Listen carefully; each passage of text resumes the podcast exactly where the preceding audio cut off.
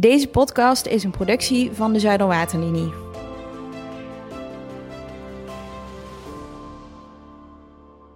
Nou goed, welkom bij de allereerste podcast over de Zuiderwaterlinie. Een verdedigingslinie die loopt van Bergen op Zoom en naar uh, Graven. En uh, die een hele lange geschiedenis kent. En over die hele lange geschiedenis kunnen Jos Kuipers en Jacob Knechtel ons een hele hoop vertellen.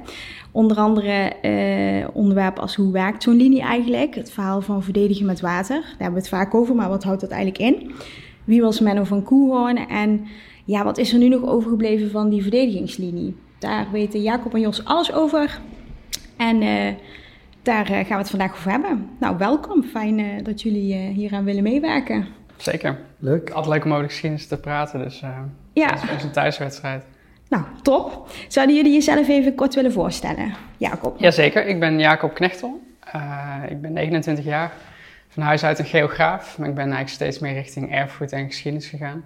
Zo kwam ik ook bij de Zuiderwater hier terecht, twee jaar geleden. En op dat, moment moest er eigenlijk nog veel gebeuren bij de linie op het gebied van kennis. We wisten eigenlijk niet zo heel veel over die linie. En daar ben ik eigenlijk uh, echt op gedoken. Uh, veel onderzoek gedaan veel kennis vergaard bij elkaar gehaald. En dus, dus, dat is waar ik vooral mee bezig was. Oké. Okay. Dat, klinkt, dat klinkt goed. Uh, dankjewel. Ja, leuk. Uh, Jos. Ik ben Jos Kuipers. Ik ben uh, erfgoeddeskundige. Ik heb een bureau op het gebied van erfgoed. Ik hou me ook, net als Jacob, bezig met de geschiedenis. Maar daarnaast kijk ik ook vooral naar wat is er nog overgebleven van die geschiedenis. Het erfgoed. En vooral ook van hoe moet dat in de toekomst met dat erfgoed? Hoe kunnen we daar op een zo goed mogelijke manier mee omgaan?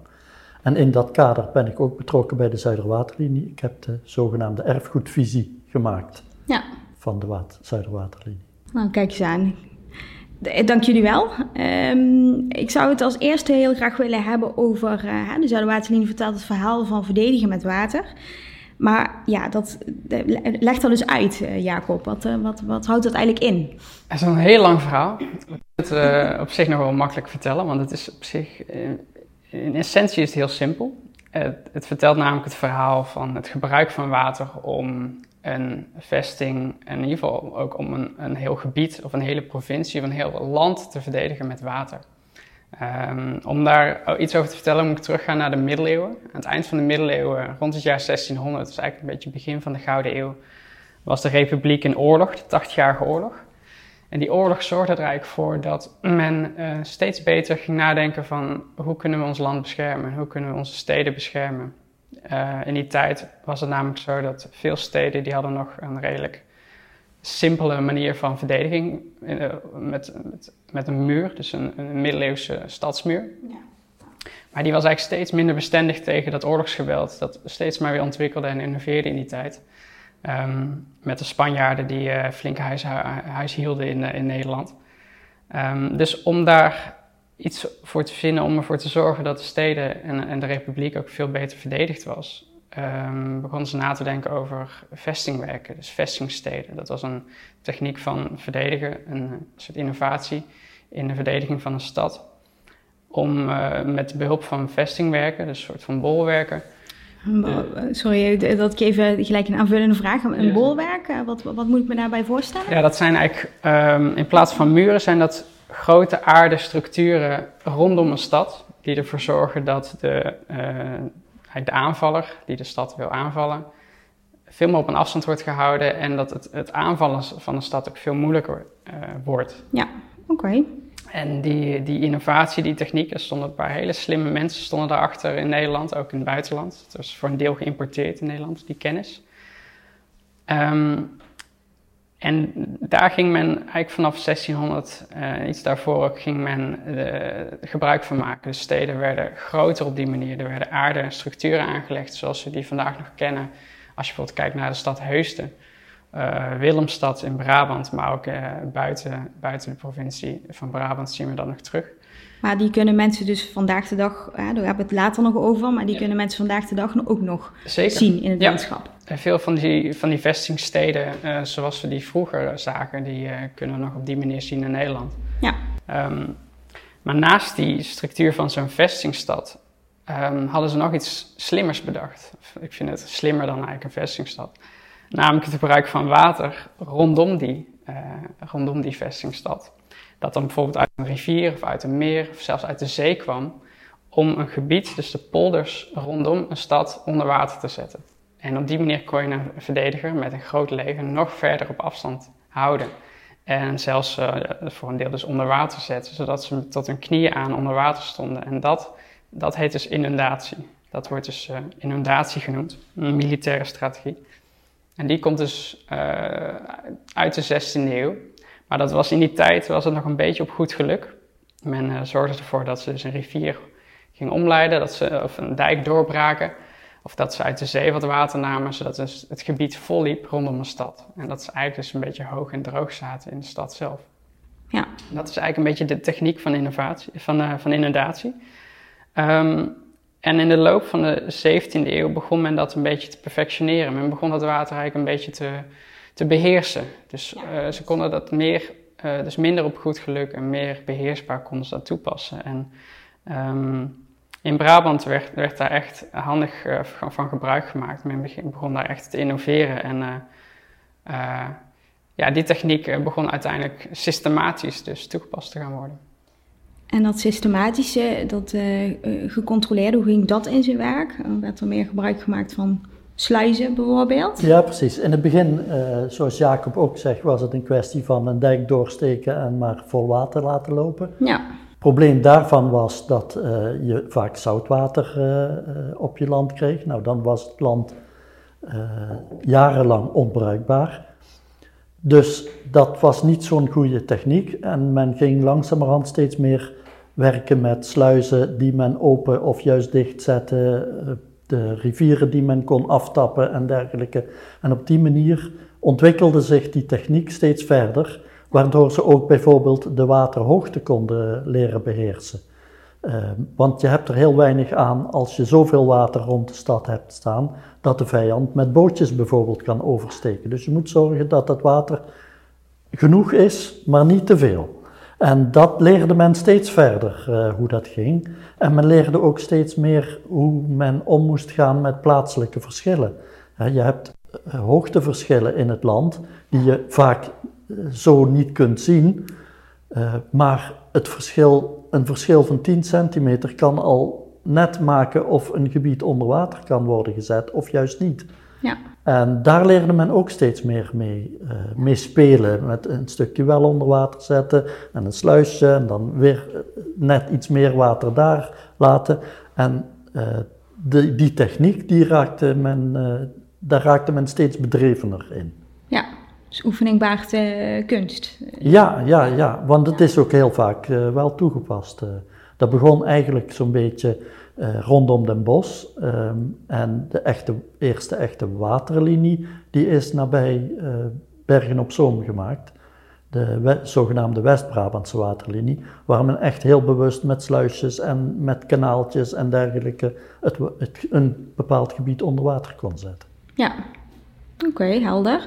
En um, dat onder water zetten, ik, kan me zo voorstellen dat uh, niet iedereen daar blij mee is. Uh, als, in, als ik een boer ben en ik heb daar een fijne stuk akker en dat wordt onder water gezet. Nee, dat klopt. Er zijn ook heel veel verhalen bij. En eigenlijk in elk militair handboek staat ook dat de tussendijken die er bijvoorbeeld waren, dat die, en die doorgestoken werden, dat die ook goed bewaakt moeten, moesten worden. Want het kwam nogal eens voor dat de boeren in de omgeving, dat die zo'n dijk of doorstaken of juist uh, een, een gat erin uh, opvulden en dergelijke. Of een sluis uh, s'nachts ja. weer openzetten en dergelijke. Dat kwam heel vaak voor. Dus de, de, boeren die waren er niet tevreden mee. En dat kun je je ook wel voorstellen, want in die tijd waren er nog geen sociale voorzieningen natuurlijk. Mensen waren afhankelijk van de oogst. En als, die, als dat gebied een paar maanden onder water stond, was je oogst gewoon weg. Die had je gewoon niet meer. Dus uh, het was ook bittere armoede voor de mensen. Dus ik kan me heel goed voorstellen dat niet iedereen stond te juichen als uh, de vijand eraan kwam. Nee. Je moet ook bedenken dat vaak wanneer het water, het, eh, de, de inundaties werden, werden gesteld, dat het ook vaak oorlogstijden waren. Uh, of er kwamen oorlogstijden aan. Dus de mensen hadden het al heel bitter. Uh, als we het dan over Brabant specifiek hebben, dan was Brabant enorm hard getroffen door alleen al de 80-jarige oorlog en de oorlogen die daarna kwamen. En uh, boeren die al hun, hun, hun, vee of hun oogst moesten afstaan aan soldaten, ja, die, die moesten alles wat ze nog hadden, moesten natuurlijk ook gaan, gaan beschermen. Ja. Maar in die tijd had je ook niet zo heel veel gezag als een boer. Dat, dat was, dat was nee. nee, want het was in die tijd ook zo dat legers, daar was nog geen fouragering. Hè? Dus die moesten zelf zorgen voor uh, hun onderhoud. En je kunt je voorstellen als je als boer uh, plotseling uh, tien zwaar bewapende militairen op je erf hebt die om eten vragen. Nou, dan geef je je varkentjes en je, en je koeien wel af. Maar dat betekende wel dat je zelf niks meer te eten had de komende winter. dus het, was echt, het waren echt moeilijke tijden voor de boeren. Ja, dus een innovatieve eh, techniek, ehm, maar zeker niet voor iedereen, uh, uh, niet voor iedereen een voordeel, zeg maar. Nee. Nou, dank jullie wel, dat is helder. Um, ik noemde het al in de intro, hè, dus de waterlinie is een verdedigingslinie. En um, ja, ik zou wel graag wel nog iets meer willen weten over wanneer die tot stand is gekomen. tegen wie en waarom, hè, dat heb je al een beetje genoemd, Jacob, in, in je verhaal hiervoor. Um, tegen wie moest die uh, bescherming bieden? Ja. ja, nu we dit verhaal van inundatie een beetje hebben uitgelegd, kunnen we ook beginnen met het vertellen van het verhaal van de Zuiderwaterlinie. Uh, ik had het al over de 80-jarige oorlog. Dat was uh, de oorlog die ongeveer tussen 1568 en 1648 plaatsvond. Um, dat was eigenlijk een moment dat uh, dus door oorlogsdreiging die innovatie flink werd ontwikkeld. Want als je bang bent om iets te verliezen, ja. dan ga je ook als de wie weer gaat ervoor zorgen dat je alles wat je nog hebt, dat het ook goed beschermd wordt. Dus in die tijden zie je ook dat er ongelooflijk veel innovaties werden gedaan. En je hebt het ook over een deel van de Gouden Eeuw, een deel... Uh, uh, dat, zo'n periode dat Nederland, dat de republiek eigenlijk flink in bloei stond. Um, Heb je nog een ander voorbeeld van een innovatie? Zegt er werden meerdere innovaties? Ja, het, het, het, het, het inpolderen eigenlijk van, uh, van, van grote meren in Nederland werd ook in die tijd uitgevoerd. Dus uh, Nederland kreeg een hoop grond bij. Dat, dat waren technieken. Um, we kennen ze vandaag de dag nog uit, ja. uit de geschiedenisles. Ja. Dat, uh, dat was, werd in geen ander land gedaan. En datzelfde geldt ook door, in, door als, als je het hebt over inundatie. Dat is echt een, een enorm Nederlands product. Ja. En die inundatie, uh, die werd dus, zoals Jos al uh, zei, werd eigenlijk een beetje geperfectioneerd in de loop van de 17e eeuw. Nou, die 17e eeuw, uh, na de 80-jarige oorlog, was er een, een, een, een, korte periode van rust met wat kleine schermutselingen. Eigenlijk tegen het jaar 1700 aan begon het, begon het weer te, te rommelen. Je had in 1672 had je het rampjaar de, de, de, het moment dat Frankrijk um, uh, vanuit het zuiden met een enorm groot leger samen met ook andere landen uh, Holland probeerde aan te vallen. Nou, dat was bijna gelukt. Iedereen dacht ook dat het ging lukken, omdat het gewoon bijna een kansloze toestand was. Ja, omdat het leger dus van dusdanig formaat ja, was. Hè? Dan, het, was ja. het was enorm groot en uh, ja, ze stonden daar met, met, met, met enorm veel mensen voor de deur. Um, maar een waterlinie de, de oude Hollandse waterlinie, zoals we hem vandaag de dag noemen, heeft ervoor gezorgd dat uh, eigenlijk uh, dat enorme leger van Frankrijk niet kon doorstoten naar Holland. Ze stonden eigenlijk al voor de poort van Holland, ze stonden eigenlijk al voor een deel in Holland. Dat ze niet die laatste slag kon, kon, konden maken. En daardoor uh, bleef Holland gespaard, bleef de republiek een republiek. Um, en kon Lodewijk XIV, die dat dus uh, net niet had geklaard, kon dat weer een nieuwe keer gaan proberen. Nou, die nieuwe keer, dat was rond 1700. Dat was een tijd uh, dat, um, dat uh, de Spaanse successieoorlog uitbrak. De, het Spaanse Rijk had namelijk een, een, een, opvolger nodig. De grond had, moest verdeeld worden in Europa. De, de Spaanse koning ging dood.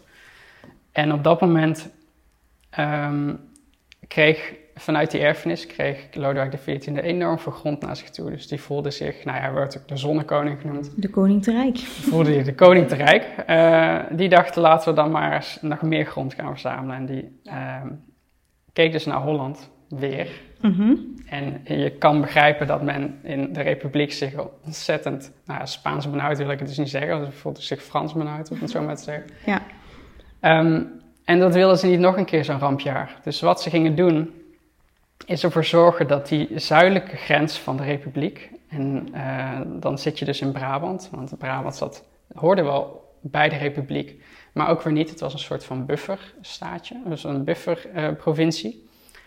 Uh, um, als we daar nou eens een, een, een, een, een, ketting van vestingsteden gaan versterken, dan wordt het voor het Franse leger een stuk moeilijker om, om dat gebied in te nemen. Dus daar hebben ze in 1695 hebben ze Menne van Koorn aangesteld, na al een hoop mislukte versterkingen van die vestingen. Dus dan heb je bijvoorbeeld over Den Bosch, Bergen op Zoom, uh, Graven. Je zegt mislukte versterkingen, dan ben ik benieuwd waarom ja, is dat niet mislukt? Eigenlijk al na, de, na het rampjaar probeerde men uh, die vestingen te versterken. Dus die lagen er niet zo heel goed meer bij.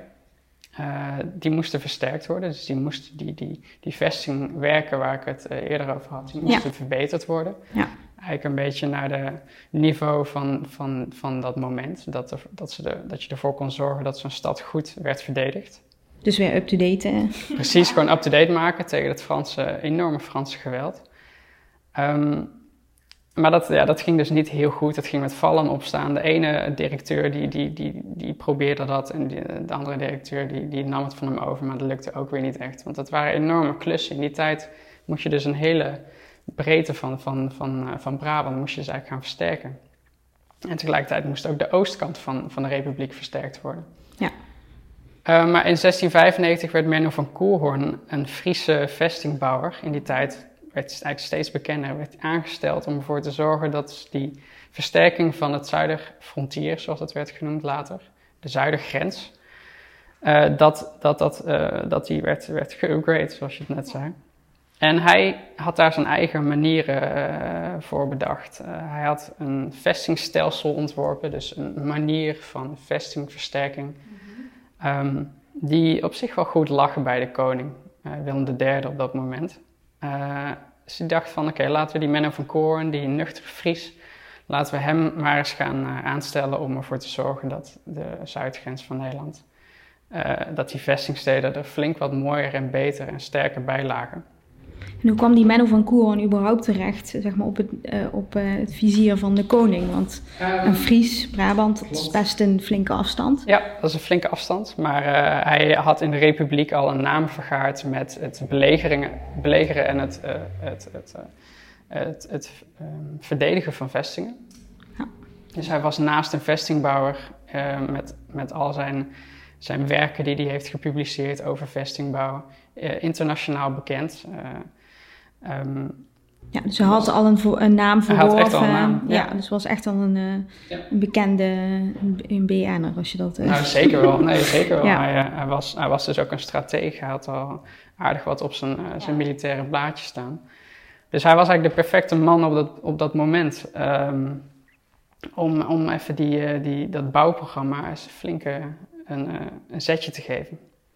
Uh, hij had dus vanuit zijn, zijn, zijn idee van, van, van het upgraden van vestingen, dus zijn vestingstelsel, had hij een idee om die zuidgrens te versterken. Nou, daarvoor moest hij een inspectietocht maken. Hij moest langs al die vestingen van Brabant om te kijken naar wat mist er. Wat is er nodig? Wat is er nodig? Wat is het kostenplaatje? En waar moeten we eigenlijk eerst mee beginnen? Want de tijd die die tijd eh, die, die, die, was er niet zo heel veel meer. Uh, het Franse leger die, eh, die, die, die wilde al wat, wat, wat, wat vorderingen maken vanuit het zuiden. Die zaten eigenlijk al in de Spaanse Nederlanden te, te veroveren. Ja, dus, ze stonden de, tijd ging dus. Ja. Dus waar hij mee begon na die inspectietocht, hij heeft dus een inspectietocht gemaakt door heel Brabant, maar ook door heel Nederland. Dat vergeet men nogal eens als het men het heeft over de Zuiderwaterlinie. Van Groningen tot aan Bergen op Zoom is hij dus een, eh, een hele tocht gaan maken met twee van zijn beste maatjes. Uh, ingenieurs die hij vertrouwde. Uh, die later ook wel mooie functies hebben gekregen onder zijn, zijn beheer. Um, heeft hij dus die tocht gemaakt en zag hij dus waar de versterkingen voor het eerst moesten plaatsvinden. Nou, dat was vooral in Bergen op Zoom. Die stad lag er beroerd bij. zo heeft hij het zelf ook al een beetje gezegd. En in Graven aan de oostkant van Brabant. Dus, ja, dus echt de uiteindes. Aan het uiteinde van Brabant, daar moest men eigenlijk gaan beginnen met die vestingversterking. Nou, dat bouwprogramma werd in 1698 opgestart. In 1697 begon hij met zijn inspectietocht en die was in de winter van 1698 klaar. toen begon hij eigenlijk meteen, Willem III zei ik, ja, begin maar meteen. Hier heb je een pot met geld, was voor een deel geleend geld. Maar dan heb je het echt, echt over 4 miljoen gulden. Ja, En dat was ontzettend veel geld Echt zo'n natuurlijk. gigantisch bedrag. Ja. Begon hij dus aan die versterking, in Bergen op Zoom en Graven eerst. Ehm, nou, daar heeft hij een paar jaar eerst aan gewerkt. Daarna kwamen daar, ehm, eh, even kijken, Breda eh, kwam daarbij. Die stad werd vervolgens meegenomen in het bouwprogramma. En daarna kwam een Den Bosch erbij. En uiteindelijk de meeste vestingsteden van Brabant, die werden op dat moment, eh, dan heb je het over het jaar 1701, werden die eh, in het bouwprogramma meegenomen. Dus je moet je voorstellen dat hij in elke vestingstad moest hij iemand zetten die uh, al die bouw, die dat hele bouwprogramma dus aan het leiden was. ja, dus allemaal projectleiders in elke... Allemaal projectleiders, ja. aannemers, eh moesten overal langs om die plannen aan te besteden, uit te voeren. Die kaarten moesten er allemaal goed uitzien. Er moesten genoeg mensen zijn. Al die, Ja. ehm, die materialen die moesten er worden, worden geïmporteerd. Nou, dat was gewoon een één groot bouwproject. En dat was eigenlijk in die tijd nog nooit gedaan op zo'n grote schaal in de Republiek. Nee. Of ja, net buiten de Republiek moet ik zeggen.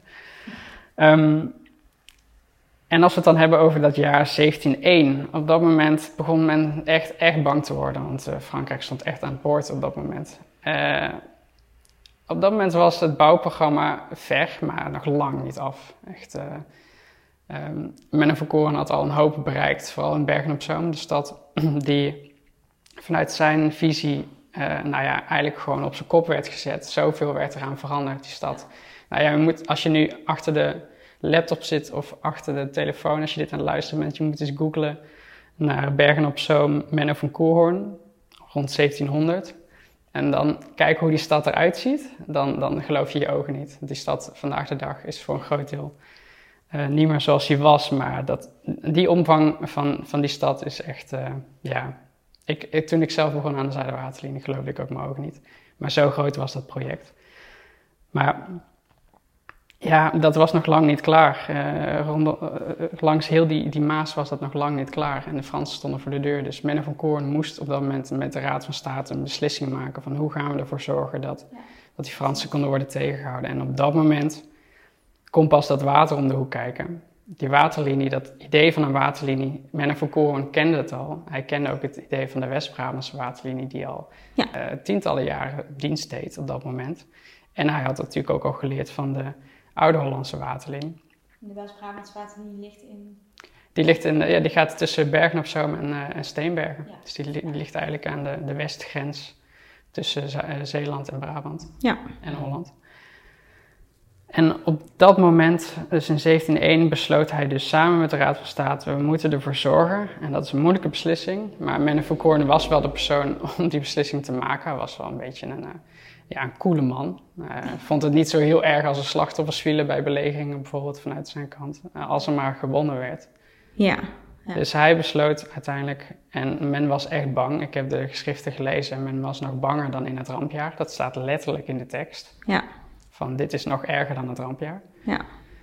Um, besloot hij dus om die waterlinie aan te leggen. Dus om um, ervoor te zorgen dat langs heel die ketting van vestingsteden, die hij op dat moment al aan het versterken was, dat er dus uh, waterlinies moesten worden aangelegd. Dus tussen al die vestingsteden moest er een, een lijn van inundatiegebieden, gebieden die hij dus onder water kon laten lopen, moesten worden aangelegd.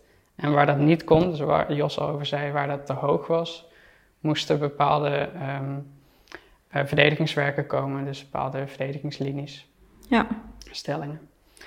En um, dat is eigenlijk dus het begin van wat wij noemen de, zuider, uh, de, de zuiderfrontier. Dat werd de zuiderfrontier genoemd. Uh, dan heb je het dus niet alleen over het verdedigen van heel de Brabantse grens ja. met water, maar dat liep helemaal door tot aan Zeeland. Dus door, langs Sluis, langs Hulst, maar ook naar, uh, naar, verder naar, naar het noorden toe. Um, uh, werd er dus, uh, werd er dus met water, moest er dus met water worden verdedigd. En dat is eigenlijk um, het, zoals we nu het Brabantse deel van de Zuiderfrontier, de Zuiderwaterlinie noemen. Ja. Daar heeft dus Menno van Koorn voor gezorgd Om al die vestingsteden met water te, te linken, dus om een waterlinie aan te leggen. Dat is heel bepalend geweest voor de geschiedenis van Nederland. Zeker, want die waterlinie, uh, Men of Korn heeft hem helaas niet in zijn complete vorm gezien. Hij is in 1704 gestorven, dus ja. drie jaar nadat hij eigenlijk het zijn gaf, laten we die waterlinie aanleggen. Um, maar die waterlinie is eigenlijk een beetje afgemaakt in de loop van de 18e eeuw. Daar heeft men heel lang over gedaan. Uh, men was natuurlijk niet zo heel rijk meer in de 18e eeuw. Uh, maar uiteindelijk is die waterlinie dus wel afgemaakt. Ja, ja. Helder. Dankjewel. Josse, ja Jacob heeft het uh, in zijn verhaal net al benoemd, dat er later ook bouwwerken, zoals bijvoorbeeld vochten, werden toegevoegd aan de linie. Maar waarom was dat toen belangrijk? Kun je daar iets over vertellen? Ja, we hebben toen straks eigenlijk al genoemd dat uh, de gebieden van de waterlinie dat die verschillende hoogtes hadden. En er waren gebieden die onder water gezet konden worden, maar er waren ook gebieden die niet onder water gezet konden worden. Hè, die zo hoog lagen dat, er, uh, dat het water daar niet, uh, dat je daar dat niet onder water kon zetten. Um, en je moest natuurlijk voorkomen dat de vijand over die hogere gebieden toch door de linie heen brak. Dus op die punten werden er forten en verdedigingswallen en dergelijke gemaakt. Mhm. En ook nog uh, op andere punten, we hebben al genoemd van die gebieden werden onder water gezet door een sluis open te zetten of dicht te zetten, etc. En je moest natuurlijk voorkomen dat de vijand die sluis in handen kreeg. Of dat hij uh, met kanonvoer probeerde, kanonvuur probeerde te... Ja, er kanonnenvoer van te maken. ja, kanonnenvoer ervan ja. van probeerde te maken. Dus, um, en daarom werden er ook bij die sluizen en belangrijke werken, werden ook forten neergezet. En zo krijg je dus dat de waterlinie bestaat in principe uit grote inundatievlaktes, gebieden die onder water gezet kunnen worden. Daartussendoor waren er uh, verschillende vestingen die uh, door die waterlinie aan elkaar gebreid werden. En voor de rest nog heel veel punten, forten, uh, batterijen en dergelijke, van waaruit de vijand onder vuur genomen kon worden. Ja, en, en een batterij is ook een verhoging in. Een batterij, dat is een klein fort waar een aantal vuur aantal kanonnen geplaatst konden worden. Ja, oké, helder. Um, nou, Menno van Koeren die heeft, heeft die linie in het leven geroepen, wat Jacob net heeft toegelicht. En um, ja, op welke manier is hiervan vervolgens gebruik gemaakt gedurende de oorlogen die er nog volgden? Ja, het is toen um, die linie uiteindelijk naar het ontwerp van Menno van Koehoorn afkwam, Daarna is het land nog verschillende keren aangevallen, met name door de Fransen, vanuit het zuiden dus. En daarbij is telkens de Zuiderwaterlinie gesteld, zoals dat heet. Dus onder water gezet en uh, bemand, alle forten werden bemand en dergelijke. Dat is nog verschillende keren gebeurd, totdat uh, Nederland uiteindelijk wel veroverd is door de Fransen, overigens door een zwak plekje in de Zuiderwaterlinie daar uh, braken de Fransen door. En weet je ook welke? Ja, dat was bij uh, ten noorden van Os. Ja. Daar konden de Fransen oversteken. En vervolgens ging het zo hard vriezen, dat was namelijk in de winter, dat ze zo de grote rivieren over konden steken. Die waren dus bevroren ja. en men kon doortrekken. En op die manier heeft, hebben de Fransen toen de Nederlandse legers verslagen. Ja. Is Nederland veroverd werd eerst een vazalstaat van Frankrijk en is later zelfs helemaal bij Frankrijk gevoegd onder Napoleon. En over welke tijd spreken we dan? En Nederland is dus verslagen in 1794, toen werd het de Bataafse Republiek. Mm -hmm. Dat was een vazalstaat van Frankrijk. En in 1810 werd uh, Nederland helemaal bij Frankrijk gevoegd. Totdat uh, Napoleon helemaal verslagen werd bij Waterloo, kennen we allemaal. Ja. En uh, toen, in de Franse tijd, was die waterlinie in de ogen van de Fransen natuurlijk helemaal niet nodig. Toen werd die vergeten, is die ook helemaal vervallen. Maar toen, en ook toen daarna, na de Franse tijd, werd Nederland bij België gevoegd. Uh, werd het dus het Koninkrijk der Nederlanden. Toen verwachtte men ook, als er een aanval van het, vanuit het zuiden kwam, vanuit Frankrijk kwam, dan moest dat uiteraard aan de zuidkant van België uh, opgevangen worden. Men heeft toen, is toen ook begonnen met daar een linie aan te leggen. Alleen het landschap was daar niet geschikt voor een waterlinie, dus dat was uh, weer een andere techniek.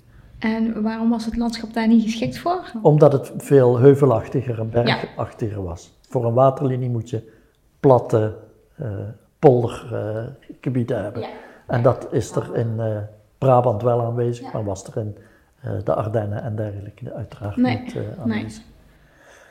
Nee. Toen ehm, de Belgische opstand kwam in 1830, toen kwam de waterlinie ineens weer in de picture, want de Belgische, Belgische regering toen, de opstandelingen, die werden door Frankrijk gesteund. En in Nederland verwachtte men toen een aanval vanuit het zuiden. En uh, dat was, lag toen een beetje voor de hand, omdat Brabant altijd bij, uh, dus Noord-Brabant had altijd bij de rest van Brabant in België gehoord. En uh, België claimde toen ook Noord-Brabant. daar het hele Nederlandse leger was toen gelegerd in Noord-Brabant. En die Zuiderwaterlinie, die kwam toen weer in beeld van, stel dat ze aanvallen, dan kunnen ze in ieder geval niet doortrekken naar Holland. En toen is de Zuiderwaterlinie weer helemaal versterkt, alle forten zijn uh, opgebouwd. Er zijn op zwakke punten, bijvoorbeeld bij Letooien ten noorden van Os, waar ze de vorige keer doorgebroken werden, werden toen allerlei forten aangelegd om, uh, om dat weer, om dat herhaling te voorkomen. Ja. Dus dat was een van de nieuwe hoogtepunten van de Zuiderwaterlinie. Ja, helder. Dankjewel. Um, ja, de, de Zuiderwaterlinie is zelfs in de Eerste en de Tweede Wereldoorlog uh, zijn onderdelen daarvan ook nog gebruikt. ik ben wel nieuwsgierig hoe dat dan precies uh, zit. Klopt. Um, we zitten dan tegen eigenlijk het einde van het leven van de Zuiderwaterlinie aan. Eigenlijk was de Zuiderwaterlinie op dat moment al um, overleden, om het zo maar uh, luguber te zeggen. Um, namelijk in de, aan het eind van de 19e eeuw bleek dat de Zuiderwaterlinie, um, zoals die inderdaad nog wel actief was tijdens de 19e eeuw, niet meer nodig was voor de verdediging van, van, van, van Holland en de verdediging van Nederland. Um, dus die werd op dat moment werd hij eigenlijk ontbonden uit het hele stellingssysteem. Mhm. Maar dat betekent niet dat het militaire landschap, dat het daar nog wel bij lag, uh, dat dat niet gebruikt kon worden. Uh, tijdens de Eerste Wereldoorlog, uh, net als tijdens de Tweede Wereldoorlog, lagen overal dus nog forten, bepaalde verhoging in het landschap. en er was nog steeds het, het idee van inundatie, ook al konden de vliegtuigen eroverheen vliegen. Iets wat je dus toen nu wel had en eerst niet. Was het idee van inundatie nog steeds interessant, omdat je dus ook, ook landlegers hadden. En uh, nou ja, ik denk als je het vandaag nog zou doen, dan zou het nog steeds irritant zijn als je met je knieën onder water stond. Um, maar ook voor zo'n heel groot leger was het toen wel echt een, eh, een, probleem. En daar hebben zowel de Nederlanders als de Duitsers, dus de geallieerden uh, ook later, mm -hmm. uh, gebruik van gemaakt. bijvoorbeeld eh, na, net na de Eerste Wereldoorlog zijn er nog in is er nog een inundatiestation bij Willemstad opgericht. Daar heeft men nog echt een, een inundatiesysteem beheerd. Mm en met een inundatiesysteem bedoel je dus dat ze gebruik maken van sluizen, ja. Uh, ja, dat dat in werking werd gesteld. Precies, dus dat ja. het voor het geval dat het nog dat, dat het gebruikt moest worden, was daar nog een. Want het was een enorm strategische plek, Willemstad. Het lag namelijk eigenlijk in de hoek tegen Holland aan. En dat was nog steeds heel belangrijk om dat te verdedigen. Ja. Um, en met de, het Duitse leger dat Nederland aanviel in 1940, heeft tijdens de Nederlandse mobilisatie is er nog in dat gebied ook daadwerkelijk um, geïnundeerd door de Nederlanders om ervoor te zorgen dat bijvoorbeeld Fort de Hel, een enorm, ja, echt een prachtig fort, dat ligt bij Willemstad, komt uit het begin van de 19e eeuw. dat dat niet in Duitse handen viel. Uiteindelijk is dat dus wel gebeurd, is Nederland bezet door de Duitsers. Maar er is dus nog wel gebruik gemaakt van inundatie. En de Duitsers hebben dat fort beheerd, ook als onderdeel van de Atlantikwal. Uh, dat is een van de, van de verschillende forten, um, ook van de Zuiderwaterlinie, die diende als de, eigenlijk de ring van versterkingen tegen een aanvallend geallieerd leger Mhm, vanuit de ja. Atlantische Oceaan. Eh, en uiteindelijk is in, ehm, tijdens de bevrijding van Nederland in de jaren, eh, de laatste jaren van de Tweede Wereldoorlog, ehm, is datzelfde fort eh, weer door de geallieerden aangevallen. Daar zijn nog zelfs doden gevallen, eh, aangezien men dacht dat het fort niet meer beheerd was. Ja. Eh, maar stiekem zaten daar, zat- zaten daar nog een paar Duitsers. Ehm, maar uiteindelijk zijn die wel weggerend nadat de mortier, eh, na die mortieraanval. En zijn de ehm geallieerden ook doorgetrokken over dat fort heen. En uiteindelijk hebben ze ook Nederland bevrijd. Dus het, het, het is geen verhaal meer van de Zuiderwaterlinie, aangezien dat een verhaal is van een waterlinie. Mhm. Maar ook na de ehm, ontbinding van de Zuiderwaterlinie aan het eind van de 19e eeuw, tijdens de vestingwet, is er dus nog gebruik gemaakt van die, dat systeem, is er gebruik gemaakt van het militaire landschap. En dan kan je het dus eigenlijk een beetje zien als een soort van epiloog. Ja. Nou, dankjewel, helder. Nou, eh, zo- zoals jullie hebben kunnen horen, heeft die, kent die Zuiderwaterlinie dus een ontzettend lange, lange geschiedenis. En ehm, nou, ik ben eigenlijk wel heel erg nieuwsgierig wat er nog overgebleven is van die Zuiderwaterlinie. Wat, wat kunnen wij nu nog zien in het landschap?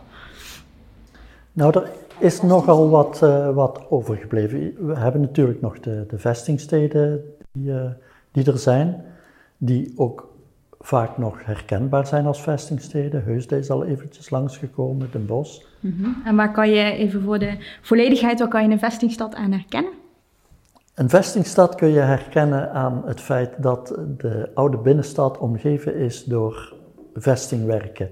En die bestaan uit muren, uit eh, eh, bolwerken, eh, stadswallen, grachten, uit, eh, uiteraard in de Nederlandse Ja.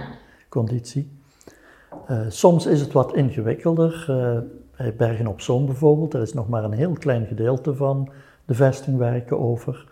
Eh, maar Heusden en Willemstad die zijn nog heel goed herkenbaar als vestingstad. Eh, maar daarnaast zijn ook nog heel veel van de forten die met name in de 19e eeuw gebouwd zijn, die zijn nog aanwezig. Zoals de Lunet bij Geertruidenberg eh, of Fort Isabella bij Vught. Eh, maar ook nog eh, forten uit de oudere periode. Fort de Roveren bij Bergen op Zoom is nog aanwezig. En de Spinola-schans bij Breda. Dat zijn forten uit de oudere periode. Dus zowel de oudste periode als de nieuwste periode van de Zuiderwaterlinie is hier en daar, zijn hier en daar nog herkenbare delen over. Ehm, maar bijvoorbeeld ook de, eh, in het landschap is het, eh, is het gebied nog herkenbaar. Ja, het, is, het, het leuke van een, een waterlinie, dat zie je zowel in Holland als in Brabant, is zijn dat, dat zijn enorme groene stroken. Eh, de wetgeving in de 19e eeuw zorgde er namelijk voor. En heb je het dan, sorry dat ik je onderbreek, maar dan heb je het over de vestingswet? Eh, nee, een andere wet, de kringenwet. Ja, dat zijn de twee belangrijke wetten die je moet leren als je het over een waterlinie hebt. De kringenwet zorgde ervoor dat je eh, niet mocht bouwen in een kring, Mhm. het schootsveld van een, van een fort. Ja. Vanuit waar je kon schieten, vanuit waar je de vijand kon zien. Mhm. Daar mocht, mochten geen gebouwen worden geplaatst. Nou, op zich best logisch. Zou je ook niet willen wonen. Nee. Maar dat zorgt ervoor dat nog tot, tot heel laat eh, er niet gebouwd mag worden in die, in die stroken. Eh, en dat hele waterlinielandschap is daarom ook nog zo groen gebleven. Ja. Eh, aangezien er dus nooit projecten zijn geweest om daar te bouwen.